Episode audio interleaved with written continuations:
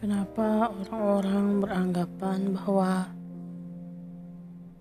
kita harus kuat, kita harus tabah, kita harus memahami situasi dan kondisi orang lain, sementara di dalam hati kita, kita ini sebenarnya sudah tidak tahan, sudah muak, sudah ingin menyerah.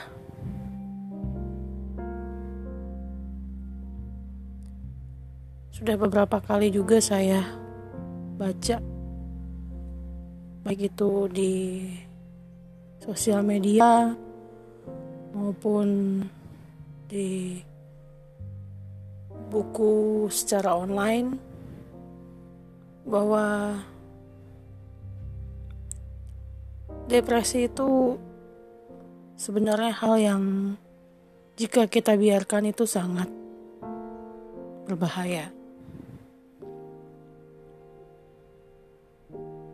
Orang cenderung menganggap enteng ketika luka itu hanya luka batin, luka yang tidak terlihat, luka yang hanya ada di dalam hati.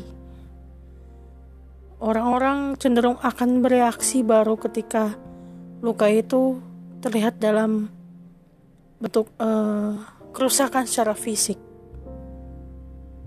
Luka sayatan, luka karena terbakar, luka yang mengeluarkan darah. Tapi luka yang jauh tersimpan di dalam hati itu sebenarnya adalah luka yang tidak bisa disembuhkan. Contohnya, ketika kamu melukai perasaan seseorang, kamu mungkin berpikir dengan meminta maaf, semuanya selesai Ketika orang itu akhirnya mengatakan, "Oke, okay, saya memaafkan kamu." Kamu pikir semua, "Oke, okay, selesai." Dia sudah memaafkan saya, saya juga sudah meminta maaf, selesai sampai di situ. Tapi bagaimana dengan luka yang kamu tinggalkan di hati dan perasaan orang itu? Apakah kamu yakin dengan permintaan maaf kamu itu dia akan baik-baik aja, dia akan sembuh. Tidak. Dia tidak sembuh. Apalagi jika luka yang kamu beri sama dia, luka batin, itu teramat dalam. Butuh waktu yang tidak sebentar untuk sembuh. Mungkin kamu memaksa dia untuk, ya kamu harus sembuh lah. Kamu harus cari caranya gimana kamu bisa nyembuhin luka itu. Hey dude, you're selfish, you know. Kamu gak bisa paksakan seseorang untuk lekas sembuh dari apa yang sudah kamu lakukan ke hati dan perasaannya.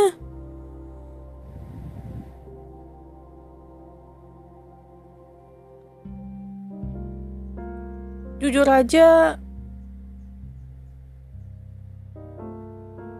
saya sudah berkali-kali merasakan sakit hati ya. Baik itu sakit hati oleh uh, keluarga maupun sakit hati oleh pasangan sendiri. Dan itu saya obatin sendiri tanpa ada campur tangan mereka. Mereka hanya minta maaf. Bahkan ada yang tidak minta maaf tapi apa? Ya saya jalanin aja.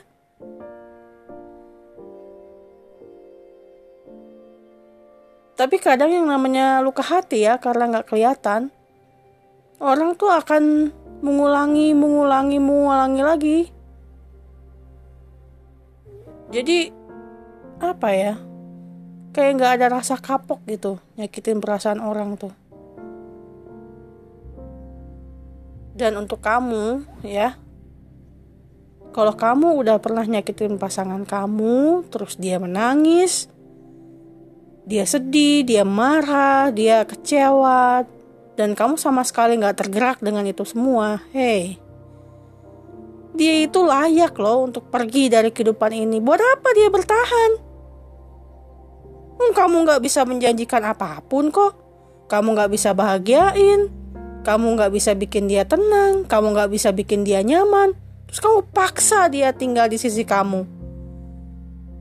Kamu egois.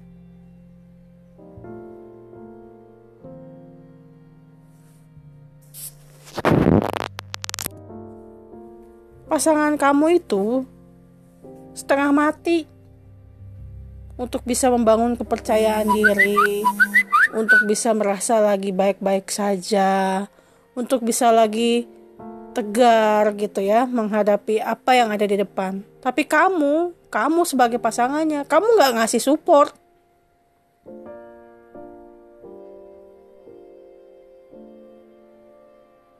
Sama sekali nggak ngasih support. Terutama untuk pasangan yang sudah jadi suami istri ya. Kamu tahu nggak kalau istri kamu itu kesepian. Terus udah gitu dia harus ngerjain semua pekerjaan rumah tangga di rumah.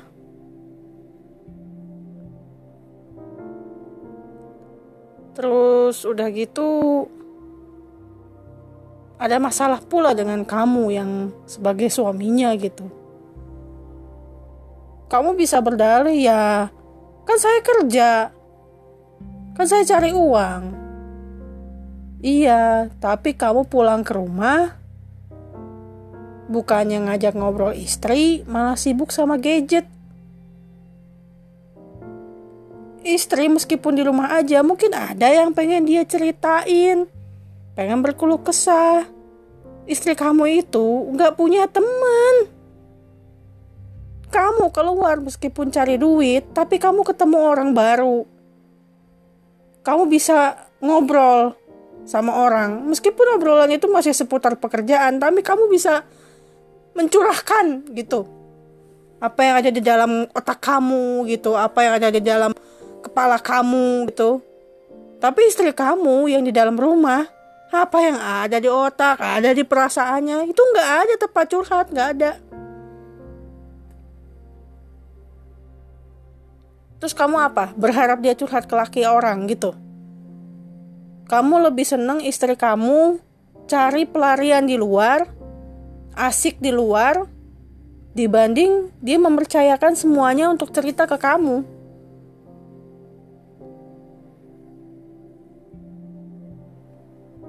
Wong dia nangis aja kadang-kadang kamu nggak mau lihat air matanya. Kamu nganggap bahwa apaan sih? Cengeng, apa segala macem. Terus kamu bicara dengan nada bicara yang tinggi ke dia. Apalagi kalau kamu pernah buat salah ya. Terus kamu masih bisa berperilaku seperti itu sama dia. Oh my god. Hati kamu tuh terbuat dari apa? Kamu itu bukan Ardi Bakri, kamu itu bukan Rahmat Gobel, kamu itu bukan Bill Gates gitu. Hotman Paris yang bisa memberikan materi ini supaya dia bisa melupakan hal-hal yang membuat dia depresi gitu. Tapi kamu yang biasa ini, yang bukan siapa-siapa, nothing ya, gak berusaha untuk membahagiakan dia gitu. Mungkin kamu lihat, oh cewek itu matre, cewek itu ini, cewek itu itu. Hey, come on perempuan tuh sebenarnya yang dilihat bukan itu loh. Jujur ya. Saya pernah berada di posisi tidak kekurangan uang. Saya pernah bekerja, saya punya pasangan yang sangat stabil keuangannya. Awalnya kami berpikir kamu bisa hidup bahagia, happily ever after. But then something happened. Saat itu segitu posisinya ya. Dia bisa membahagiakan saya dengan apa pun yang saya mau.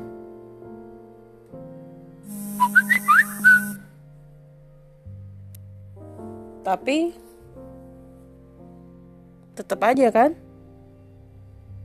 materi pernikahan tanpa adanya rasa respect, tanpa adanya rasa cinta yang tulus, ya bubar juga. Nah, yang sekarang it's more toxic, you know. He can give you anything. But dia menuntut kamu untuk memahami. Dan tetap aja saya diselingkuhi.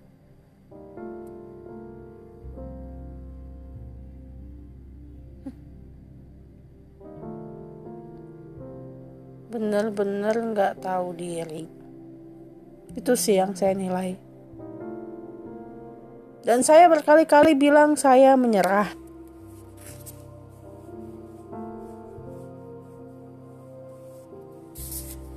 kalau yang dulu kalau dia bilang saya menyerah dia dengan gentle mengatakan bahwa oke okay, saya juga berpikir saya sudah bersalah sama kamu. Saya menyanyiakan kamu. Jika saya menahan kamu di sisi saya saya egois. Karena saya tidak ingin melihat kamu lebih terluka. Makanya dia memutuskan untuk melepaskan saya meskipun berat. Tapi yang sekarang dia tidak minta maaf. Dia menganggap enteng semua perasaan luka yang pernah dia kasih.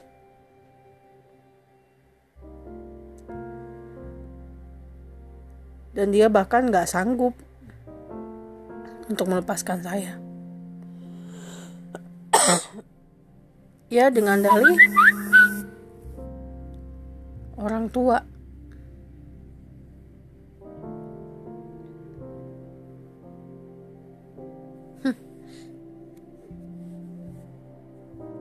Dan dia menjebak saya di kondisi seperti sekarang.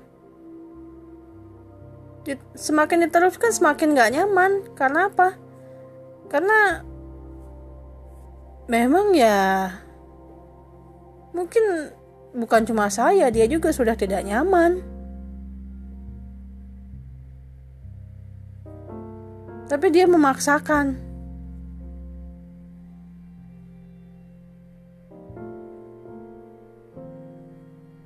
Gitu loh.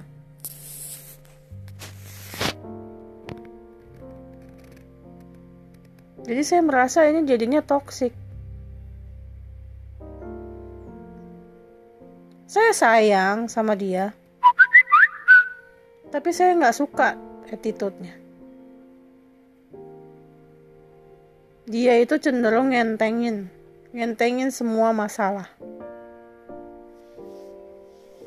perasaan sakit hati saya kekesalan saya apa semuanya. Dia nggak ngatasi dengan baik. Saya marah dia malah malah lebih marah. Itu yang yang terjadi gitu. Dia nggak bisa mengontrol mengontrol saya.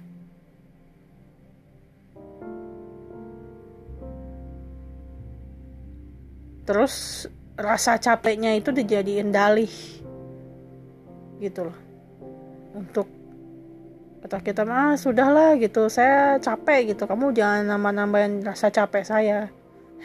Di dunia ini yang kerja bukan cuma kamu. Semua orang juga capek. Tapi ada kok yang bisa menyelesaikan masalah dengan kepala dingin.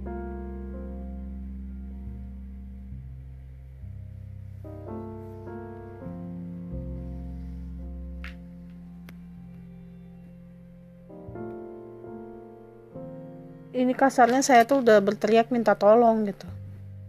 Please help me. Tapi dia nggak bisa nolongin saya. Karena apa? Karena dia itu hot temper. Dia selalu pengen dimengerti. Egonya selalu pengen disuapin. Jadi saya lelah capek. Dia hanya mau dipahami terus ya saya kondisinya kayak gini. Ya saya begini orangnya. Ya gimana ya? Pernikahan kalau ibaratnya orang tepuk tangan kalau cuma satu tangan aja yang nepuk itu kan berat ya. Sekarang mobil berjalan. Yang jalan cuma roda depan roda belakang nggak jalan. Apa bisa jalan tuh mobil? Ya bisa tapi berat karena apa? Immature, you know, immature. Memang gak bisa gitu. Roda gak akan bisa berputar kalau atas sama bawah gak berubah tempatnya. Gitu loh.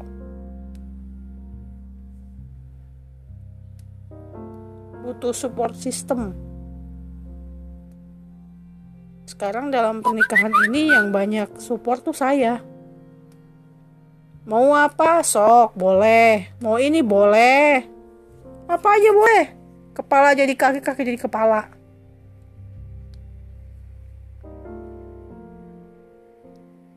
Tapi apa dia menghargai? Dia memahami? Enggak. Karena yang ada di pikirannya adalah dirinya, egonya. Saya ini suami, saya yang nyari duit, saya yang capek. Sementara kita yang di rumah, cuma ibu rumah tangga doang, dianggapnya nggak capek.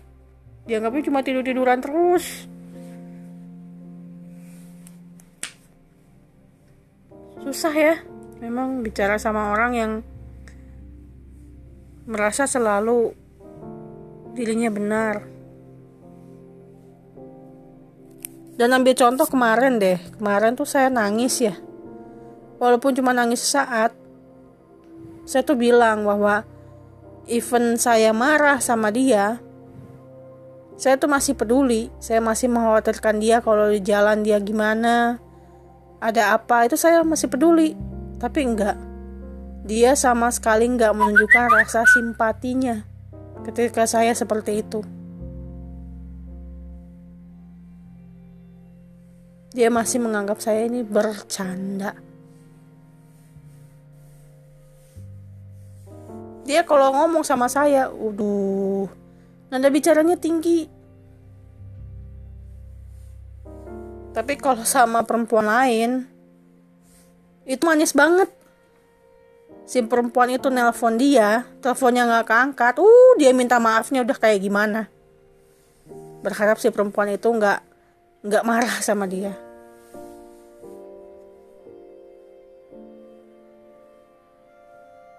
Tapi kalau saya nelpon, nggak keangkat, terus saya protes sedikit aja, uh, ngerepeknya Iya kan saya lagi sibuk, ya kan saya lagi meeting, ya kan saya lagi sholat, saya lagi pipis, apa segala macem. Gak pernah tuh ngomong yang manis-manis, gak pernah. Tapi kalau sama perempuan lain, maaf ya Neng, maaf teleponnya gak keangkat, maaf, jangan marah ya Neng. Hmm,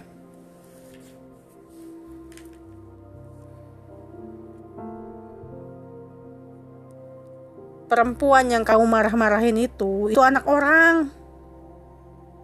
Anak orang yang kamu ambil dari keluarganya untuk ngurus kamu sampai tua.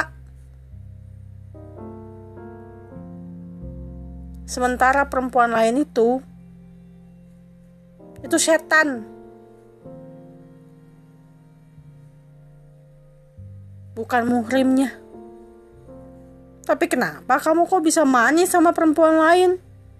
Sementara sama istri sendiri yang jelas-jelas ngurusin kamu 24/7 even ketika kamu sakit kemarin kena covid kamu udah hampir mati badan kamu panas kamu nggak bisa bangun padahal saya juga sakit tapi saya mampu ngurus kamu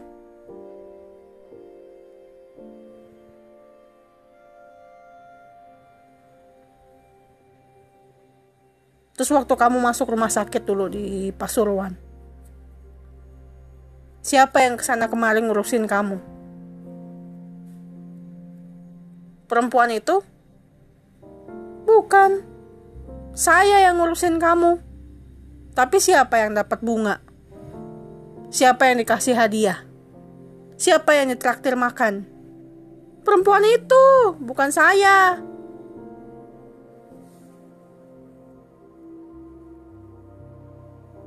Dan setelah apa yang kamu lakuin sama saya sejak tahun 2017 itu,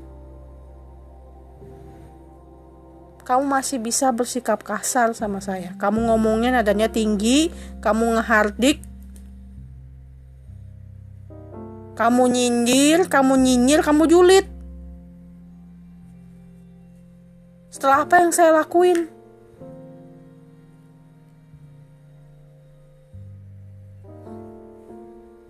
Nah inilah kenapa saya bilang kamu toksik. Kamu bisa berbuat baik sama orang lain, tapi kamu gak bisa berbuat baik sama istri sendiri. Itu sama aja lama-lama kamu mau mematikan perasaan saya. Oke, saya sekarang masih ada sedikit rasa sayang sama kamu. Tapi lama kelamaan kalau kamu memperlakukan saya seperti itu terus menerus berulang, ya lama-lama yang ada saya tuh benci. Makanya saya bilang saya nggak mau nunggu sampai ada kebencian. Baik saya mundur.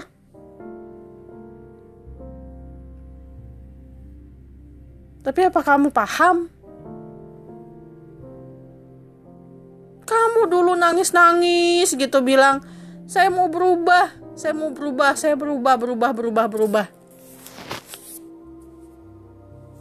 Ya itu semua cuma di mulut aja. Iya oke okay, kamu berubah, kamu nggak selingkuh lagi.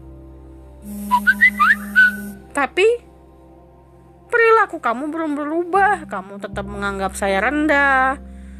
Nada bicara kamu ngomong sama saya nggak pernah santai.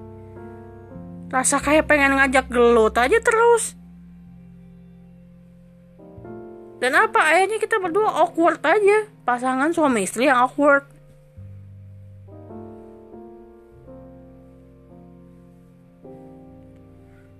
Saya tuh nggak mau menghabiskan sisa usia saya yang nggak tahu sampai kapan ya. Hanya untuk hidup dengan seperti ini. Tersiksa lahir dan tersiksa batin. Mungkin kamu nggak merasa itu siksaan Enggak, kamu mah biasa aja, biasa aja. Tapi saya, saya sebagai objeknya, saya ini tersiksa. Diperlakukan seperti itu. Karena apa? Berubah itu, berubah kata kamu, itu hanya berubah di bibir aja. Tapi perilaku kamu masih sama. Masih sama aja. Kayaknya ngomong sama saya manis-manis itu, memperlakukan saya baik itu seolah-olah menurut kamu itu hal yang luar biasa. Mungkin kamu merasa perlunya uh, apa saya tuh perlunya diperlakukan kasar kali ya. Kayak babu.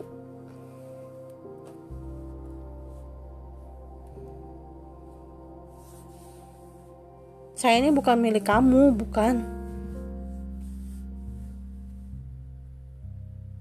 Jadi jangan sekali-sekali kamu memperlakukan saya seolah-olah saya punya kamu dan kamu bisa menyakiti saya semau kamu.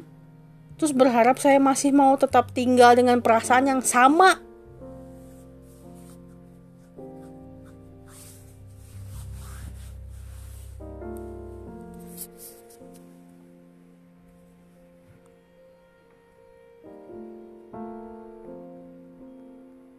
Saya nggak pernah dikasih kesempatan untuk ngomong karena apa? Tiap sampai di rumah kamu maunya tidur. Kamu maunya istirahat. Sementara apa? tekanan batin saya, capeknya saya di dalam hati ini, itu tuh saya mau curahkan ke siapa?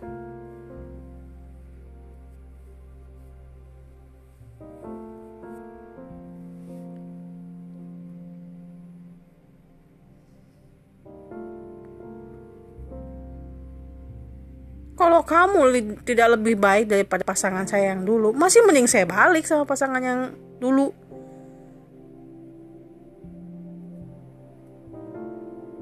Even dia nyakitin batin saya, tapi secara materi saya tidak kekurangan.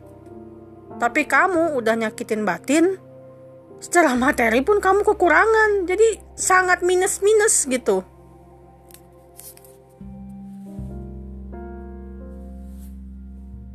Kan orang seenggaknya kan kalau tampilannya busuk tapi dalamnya manis ya.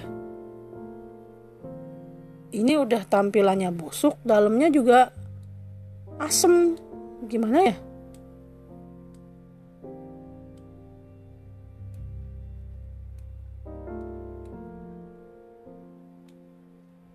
Ya itu aja sih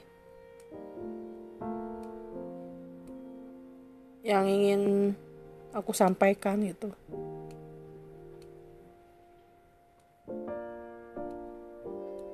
Yang jelas, kamu waktu pertama kenal saya, saya nggak seperti ini ya.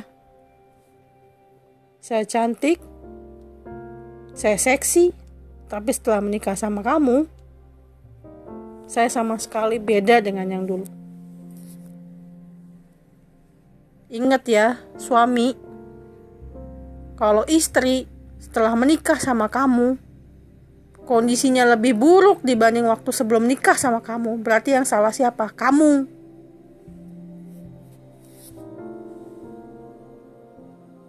Karena ada istilahnya kalau istri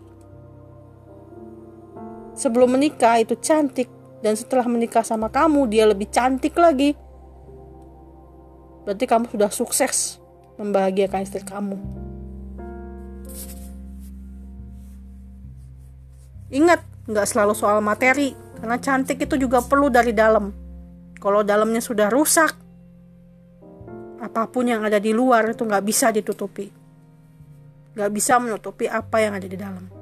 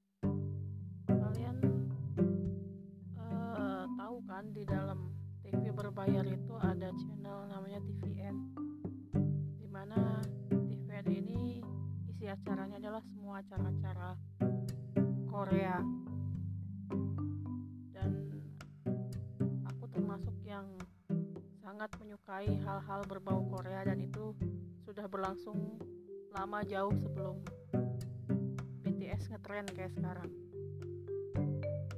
Mungkin sekitar tahun 2000 na, uh, 2000-an 2000-an aku suka. Sesuatu yang berbau Korea. Dan itu awalnya bukan bukan lagu-lagunya bukan K-pop tapi drama Korea bermula dari aku pertama kali nonton drama Korea hmm, apa sih? Endless Love ya kalau nggak salah Endless Love. Yang mainnya tuh Song Hye Kyo sama Song Seung Hoon nah di situ juga ada Won Bin juga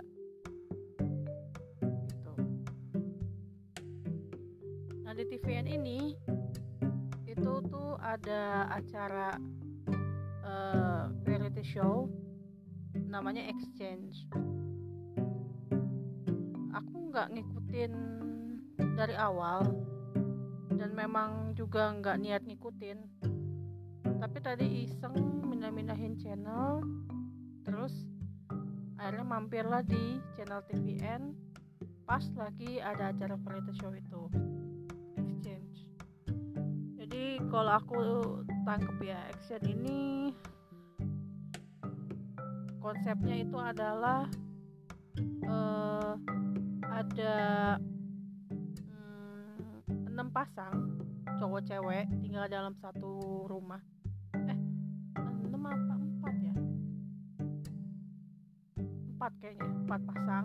Jadi satu rumah itu berdelapan cowok cewek dan di antara mereka itu dulunya adalah mantan pacar ya bekas pasangan dan mereka itu tidak boleh memberitahukan satu sama lain bahwa mereka itu dulunya adalah pasangan.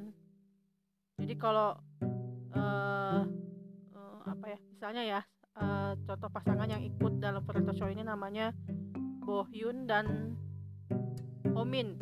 Nah, Bohyun dan Homin ini tidak boleh memberitahukan kepada uh, peserta lain di dalam rumah itu kalau mereka dulunya adalah uh, pasangan kekasih gitu. Itu kan uh, apa ya uh, acara itu. Hmm,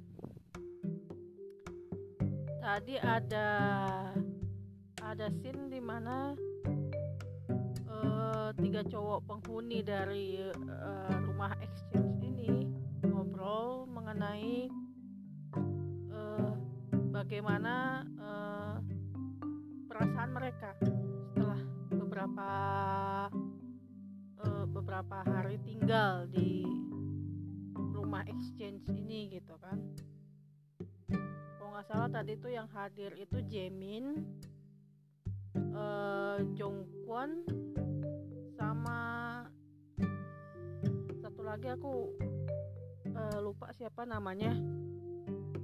Dan ada kata-kata Jamin yang menggelitik uh, menggelitik uh, uh, perasaan aku gitu.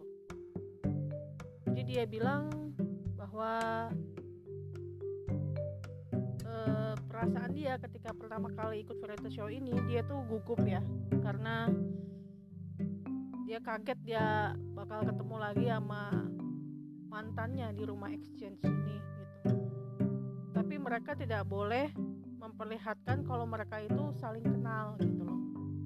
Supaya mungkin ya konsep acara ini adalah ingin memberi peluang selain untuk misalnya kalau pasangan bisa balik lagi uh, dengan uh, perasaan yang baru gitu ya fresh a new start balik lagi atau mulai lagi berhubungan dengan orang lain.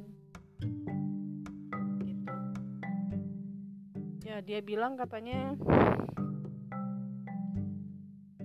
ya dia itu sebenarnya masih sayang sama si mantannya. Dan dia cinta sama mantannya cuma hmm, pada saat mereka dulu masih berpacaran mereka itu sama-sama masih masih muda lah. Dan sering mengambil keputusan yang salah. Dan si Jamie ini menyesal ketika ketika udah nggak lagi sama-sama dia itu melupakan detail-detail kecil yang sebenarnya itu uh, apa ya hal yang seharusnya tuh dia dulu sebagai pacar tuh tahu gitu oh cewek gue ternyata suka hal ini oh cewek gue ternyata nggak suka hal ini gitu.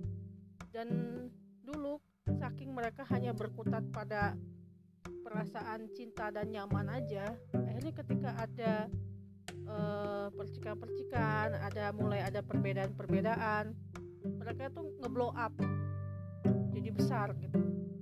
Tanpa tanpa mau untuk uh, benar-benar mencari solusinya supaya mereka tuh tetap bisa bersama gitu loh. Dan Jamin itu menyesal gitu menyesal bahwa harusnya itu tuh gue perhatiin detail-detail kecil itu tuh ketika gue masih sama dia. Kenapa baru sekarang setelah gue udah bukan pacarnya lagi gue baru menyadari gitu bahwa oh mantan gue tuh sukanya ini ya. Oh mantan gue nggak suka diginiin ya. Kayak gitu. Detail-detail kecil seperti itu yang dia bilang gue tuh berharapnya itu tuh terjadi dulu gitu loh ketika gue sama dia masih sama-sama.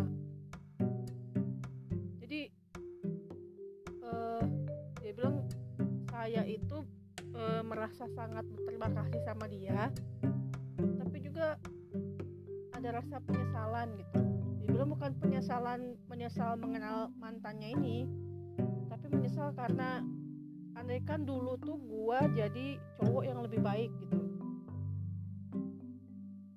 Jadi dia menyesal gitu lebih menyesal ke dirinya yang yang kurang kompeten lah jadi cowoknya.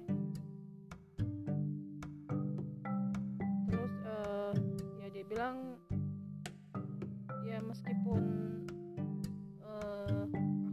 menyayanginya dia bilang itu meskipun aku uh, cinta dan itu kenangan yang gak akan pernah aku lupakan ingin dia bahagia dia bilang gitu. Aku ingin dia uh, bisa menikmati hidupnya.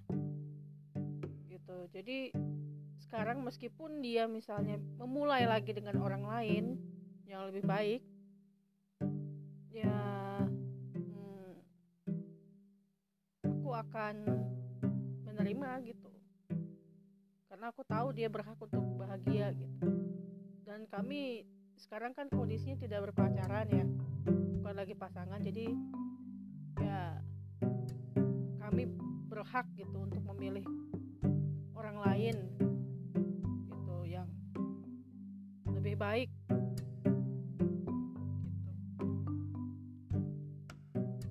Setelah aku ikutin terus ya uh, acara ini emang kita ini ya sebagai pasangan. Jangankan mereka yang udah pacaran ya. Kita yang sudah menikah.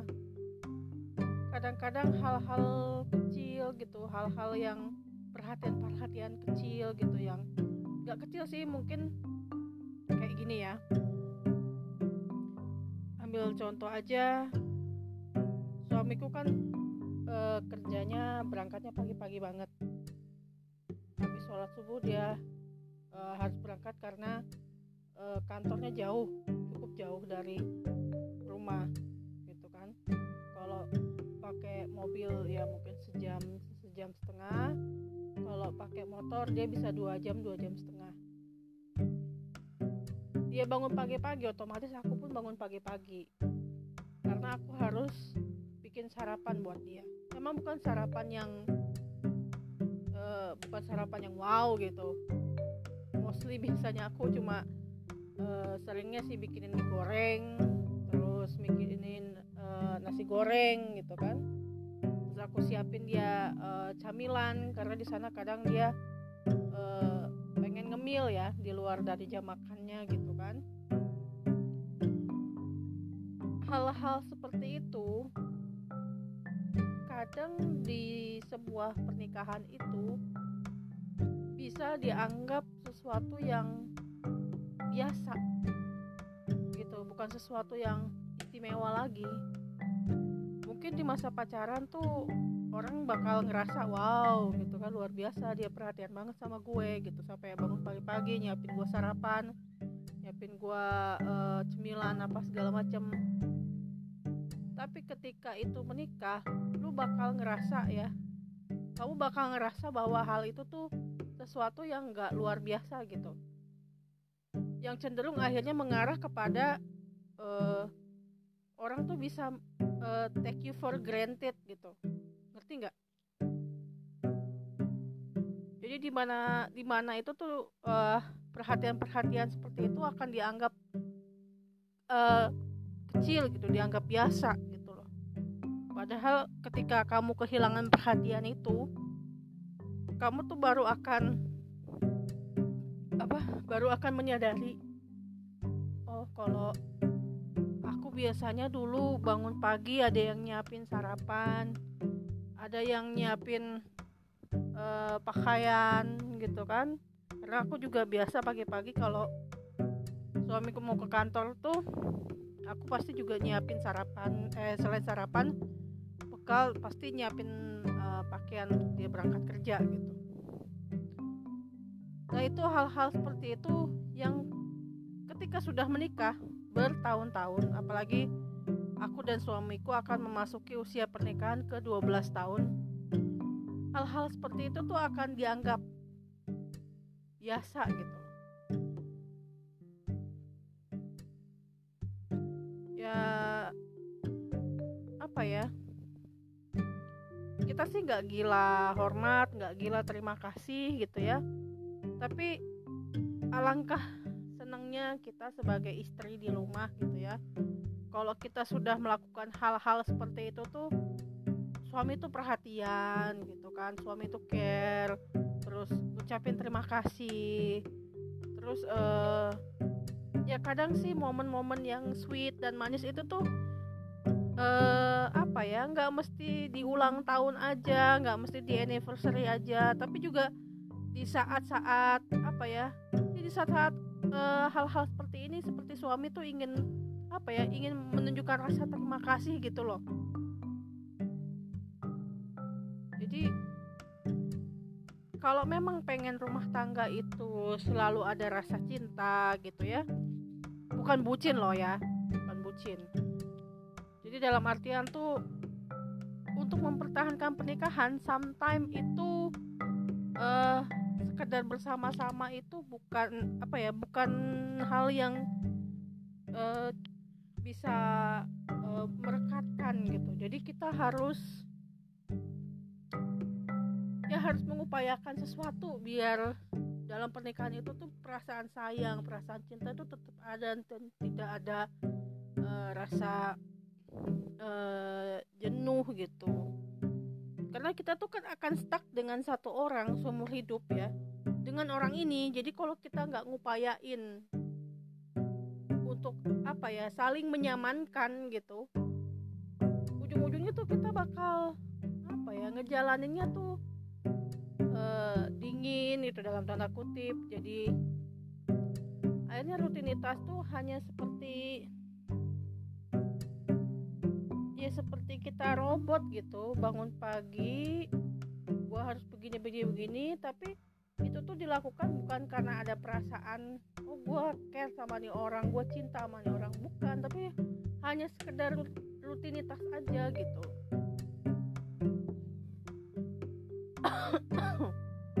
Dan menurut aku tuh seharusnya nggak seperti itu jadi jangan tunggu semua nikmat itu itu tuh nikmat ya. Kita diperhatikan pasangan tuh nikmat. Jadi jangan membuat semua nikmat itu hilang gitu loh. Karena apa ya? Perhatian-perhatian kecil seperti itu sebenarnya kita bisa lihat gitu loh bahwa orang itu tuh sayang sama gue tuh dari perhatian-perhatian kecil ya untuk diingat juga bahwa menikah itu bukan melulu soal materi. Materi itu penting. Karena ya namanya hidup berumah tangga itu kan ada kebutuhan yang harus dicukupi. Dan memang itu kewajiban suami untuk mencukupi uh, segala kebutuhan yang ada di dalam rumah tangga. Gitu. Tapi nggak mau melulu hanya kasarnya nih gue setor duit ke lu. Udah gitu loh.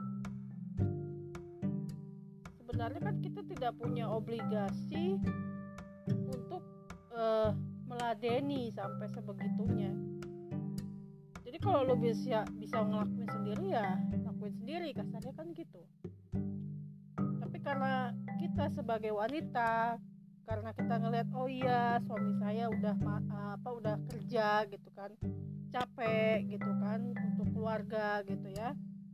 Uh, akhirnya ya udah gimana caranya gue ini deh gue gua ringankan beban dia dengan uh, ya gue masakin dia sarapan gue siapin pakaiannya gue cuci bajunya gue setrika gue beresin rumah ya kan seperti kita tahu sebenarnya kan dulu zaman Rasulullah juga Rasul uh, tidak membebani istri-istrinya itu untuk bekerja gitu loh. Untuk bekerja untuk me melakukan pekerjaan rumah tangga.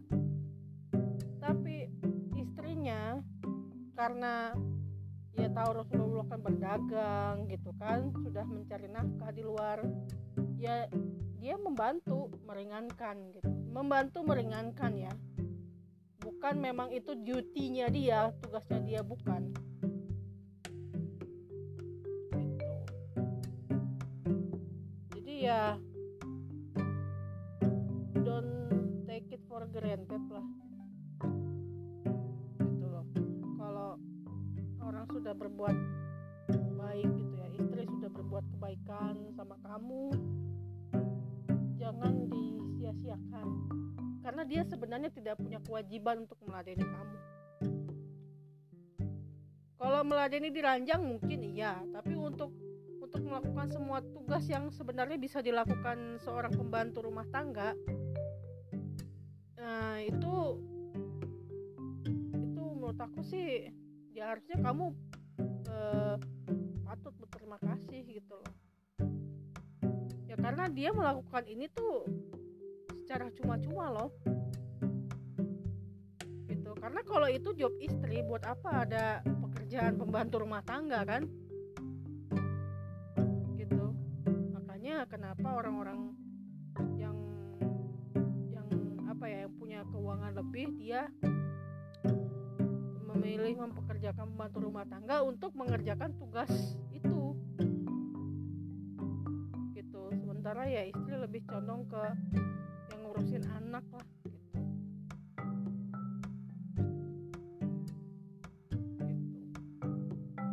Ya jadi istri itu bukan pembantu kamu bukan pelayan kamu.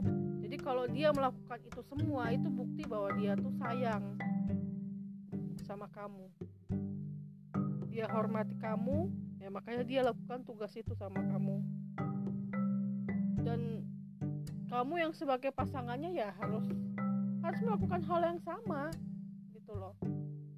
Kamu nggak bisa berharap selalu rumah tangga itu hanya berat sebelah yang kelihatan yang istri yang kerja keras atau suami yang kerja keras sementara yang lainnya tuh eh, santai-santai uh, aja. Ini bukan maksudnya bukan kerja keras dalam artian bekerja bekerja dalam arti sebenarnya ya. Maksudnya uh, dalam pernikahan itu seperti orang tepuk tangan gitu loh. Jadi nggak bisa hanya bertepuk uh, sebelah tangan gitu loh. Jadi harus saling ya suami menghormati istri istri juga eh, menghormati suami. Suami berterima kasih atas apa yang sudah dilakukan istrinya. Uh, istri juga sama gitu. Makanya setiap kali nggak tahu ya itu apakah ini berlaku untuk semua pasangan suami istri atau tidak tapi aku pribadi kalau sehabis belanja ya baik itu belanja bulanan atau belanja yang bukan bulanan ya aku tuh selalu mengucapkan terima kasih sama suami aku. Gitu. Jadi ya kita selesai perjalanan sampai rumah gitu ya habis belanja makasih ya pak gitu. Aku selalu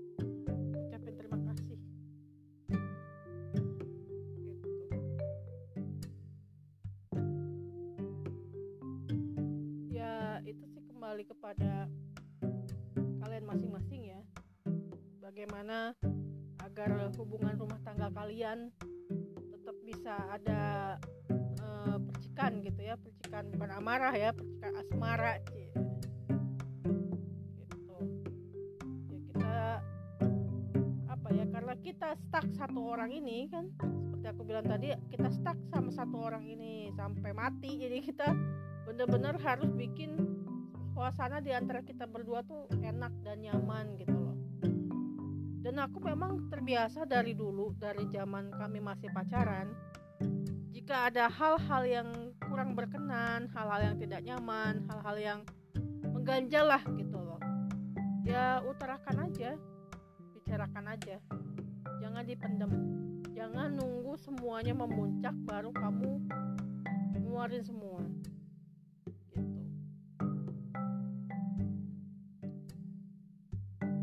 aja sih yang pengen aku omongin. Karena tadi nonton variety show itu aku jadi jadi terpikirkan untuk mencurahkan lah mencurahkan apa yang ada di pikiran aku mengenai uh, mengenai kata-kata Jamin tadi yang bahwa dia itu uh, menyesal gitu baru memperhatikan hal-hal kecil detail-detail kecil ketika mereka sudah tidak lagi bersama gitu.